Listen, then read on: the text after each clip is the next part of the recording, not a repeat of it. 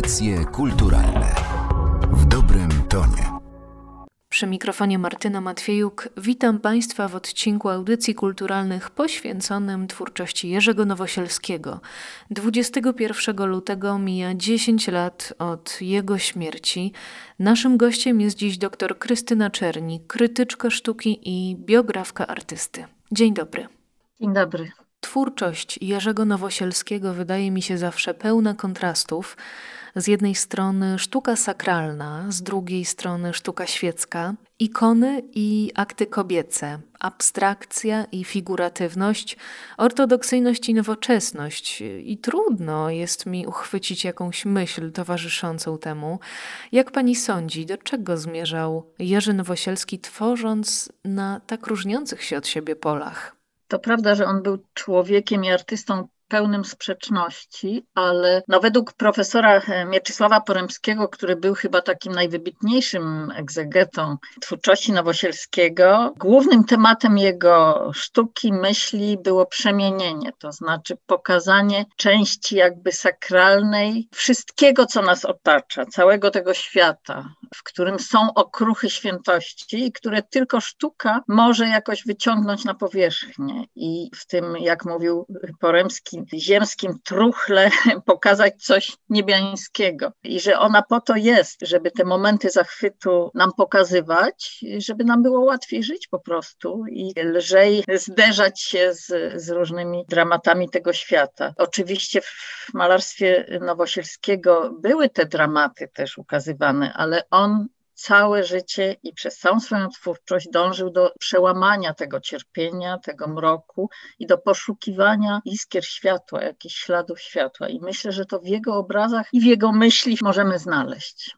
Z tym przemienieniem bardzo silnie związane są ikony, chyba taka wiodąca gałąź jego twórczości. Myślę, że dla wielu z nas e, pierwsze takie skojarzenie, kiedy słyszymy nazwisko Jerzego Nowosielskiego.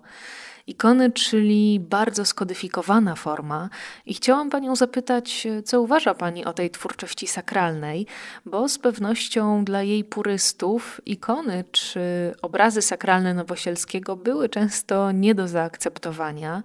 Pisze też Pani o tym na łamach biografii Nietoperz w świątyni, że jego twórczość była czasem przez to dyskredytowana.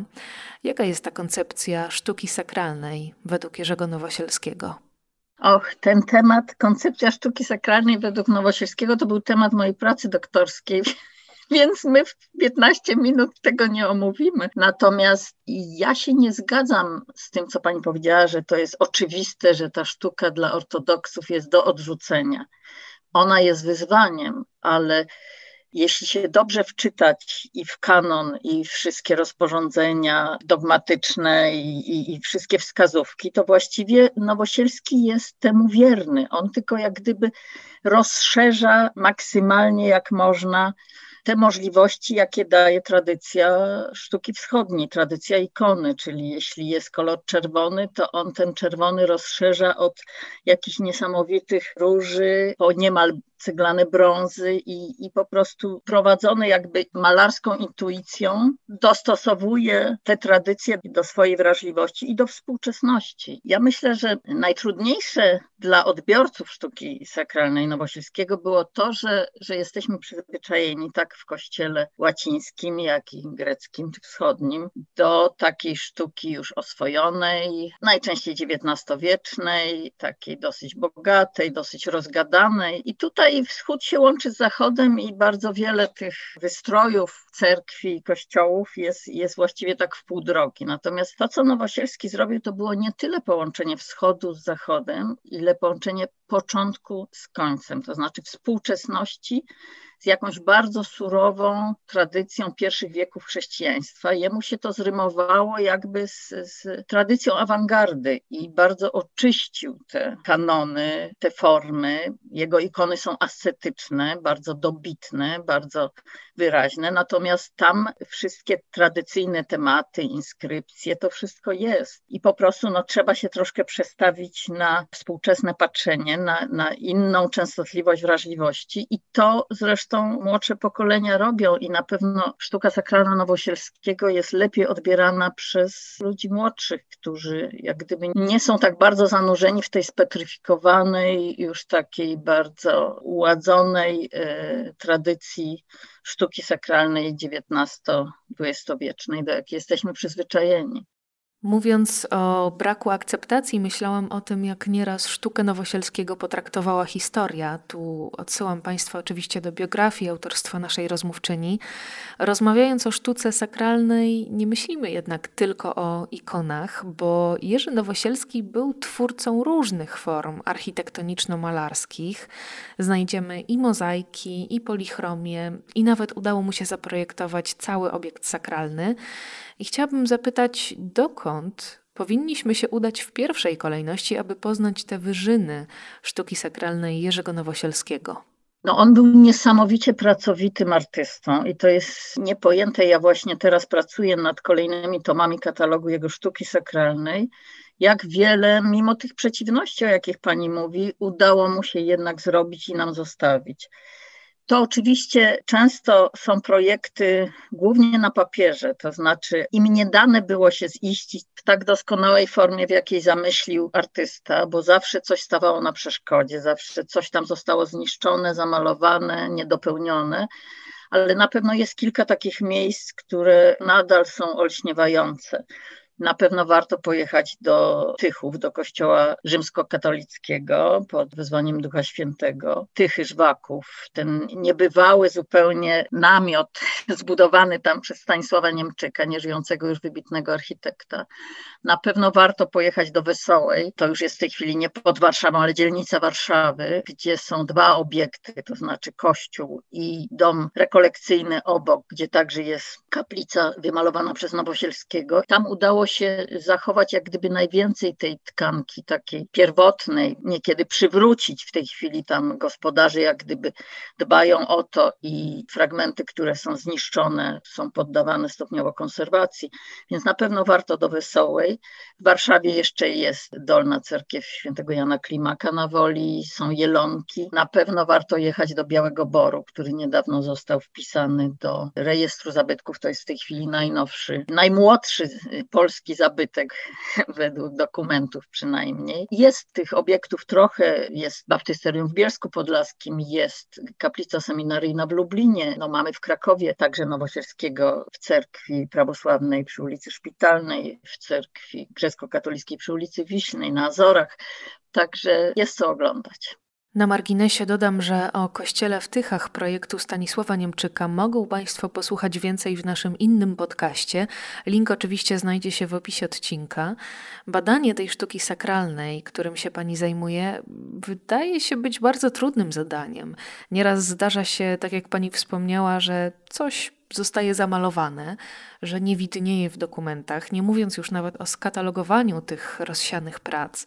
Wspomniała mi Pani wcześniej telefonicznie o tym, że jeszcze wiele pozostało do zrobienia w tej materii. Tak, pani zaczęła naszą rozmowę od tego, że Nowosielski kojarzy się przede wszystkim z ikoną, ale bardzo długo tak nie było, dlatego że jego twórczość przypada przede wszystkim na lata PRL-u i to dla sztuki sakralnej był specyficzny czas. Ta sztuka była, no można powiedzieć, półlegalna, to znaczy ona była nieoficjalna, także dlatego padała często ofiarą inwestorów czy odbiorców, dlatego że to było wszystko nie, nieuregulowane, nie podpisywano umów, mało kto wiedział, co kto maluje i tak dalej. Tego nie pokazywano na wystawach, to nie było spisywane i ta sztuka była bezbronna. I tak długo było i tak zostało trochę. To znaczy sztuka świecka Nowosielskiego została bardzo starannie opracowana. Zajmuje się nią i Galeria Andrzeja Starmacha, i Fundacja Nowosielskich i było dużo wystaw, są katalogi, to mniej więcej jest ogarnięte. Natomiast o sztuce sakralnej wiedziano bardzo długo niewiele. I ja sobie jakoś tak zadałam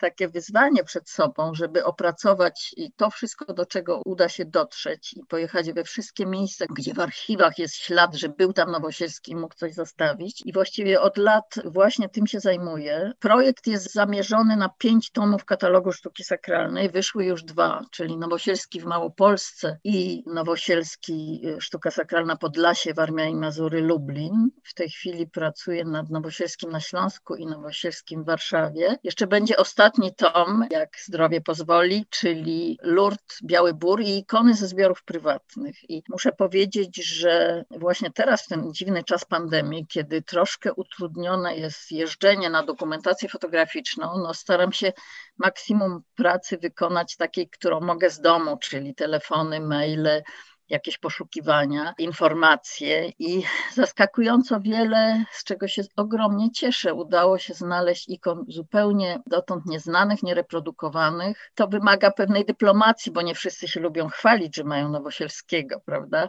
W dzisiejszych czasach to jest troszkę nieostrożne, ale ja się czuję trochę tak, jakby artysta dalej żył i malował, dlatego że co chwilę natykam się na jakieś rzeczy, których nie widziałam i to jest ogromna radość i satysfakcja. Myślę, że jemu to się należy jesteśmy mu to winni, żeby troszkę, i to są ostatnie momenty, kiedy jeszcze żyją ludzie, którzy od niego to na przykład dostali jakieś ikony czy jakieś projekty. Ciągle się znajdują projekty, które wiadomo było, że coś tam robił, odrzucono, nie wiadomo. No i raptem tu wychodzą jakieś nowe projekty do Lublina czy do jednego z kościołów warszawskich, o których myślałam, że już nigdy ich nie zobaczę, a jednak. To jest jednak niepojęte ciągle. Nie mogę wyjść ze zdumienia, jak wiele on zdołał mimo wszystkich trudności, mimo swoich słabości stworzyć i namalować. Także mam nadzieję, że uda się w ciągu kilku najbliższych lat domknąć ten korpus tych katalogów. Bardzo bym chciała. Oby jak najwięcej udało się odkryć. Ja na zakończenie chciałabym zapytać, ponieważ zajmuje się Pani badaniem życia i twórczości Jerzego Nowosielskiego od lat, jako jaki człowiek on się Pani jawił tak po ludzku? Hmm. Ja go poznałam i przeprowadzałam z nim kilka wywiadów i do telewizji, ale wtedy, kiedy był jeszcze człowiekiem jakby funkcjonującym normalnie, nie mogę powiedzieć, że go znałam bardzo blisko. Bliżej go poznałam, kiedy już był bardzo, bardzo chory i kiedy go odwiedzałam. To były dla mnie niesamowite wizyty, bo on nie zawsze do końca poznawał swoich gości, szybował gdzieś między ziemią a niebem, ale no niektóre rzeczy pamiętał. Pamiętał modlitwy, pamiętał różne fakty z dzieciństwa. To był człowiek przede wszystkim niezwykłej, głębokiej wiary. Ja nie spotkałam chyba nikogo, kto by tak mówił o Chrystusie i tak potrafił jakby wiarygodnie dawać to świadectwo przy wszystkich swoich kłopotach. Ja jestem historyczką sztuki i sztuka jest dla mnie ważna, ale im dłużej żyję, tym większe znaczenie znaczenie dla mnie ma myśl Nowosielskiego. I muszę powiedzieć, że tutaj udało mi się zebrać prawie całość jego publikacji, listów, e, wywiadów. W wydawnictwie Znak od 2011 do, do 2015 roku wydawaliśmy taki korpus jego tekstów pisanych. Ukazało się pięć tomów razem z biografią. Wszystkich Państwa bardzo zachęcam do sięgnięcia po te książki. To są niebywałe myśli, bardzo głębokie, bardzo ciekawe, bardzo inspirujące i ja muszę powiedzieć, że ogromnie wiele zawdzięczam tym książkom i, i, tej myśli Nowosielskiego. Po prostu w jakimś moim rozwoju duchowym, w myśleniu, to jest myśl bardzo samodzielna, odważna i niebywale kreatywna, pomagająca w życiu po prostu, w różnych rozterkach i problemach. Także dla mnie Nowosielski, oprócz tego, że był genialnym kolorystą i malarzem, to był bardzo głębokim myślicielem i myślę, że coraz bardziej ta część jego twórczości urasta w znaczeniu w moich wspomnieniach. Bardzo dziękuję za te wspomnienia. 21 lutego minie 10 lat od śmierci Jerzego Nowosielskiego. Dziś w audycjach kulturalnych mówiła o nim dr Krystyna Czerni. Dziękuję bardzo. Audycje kulturalne w dobrym tonie.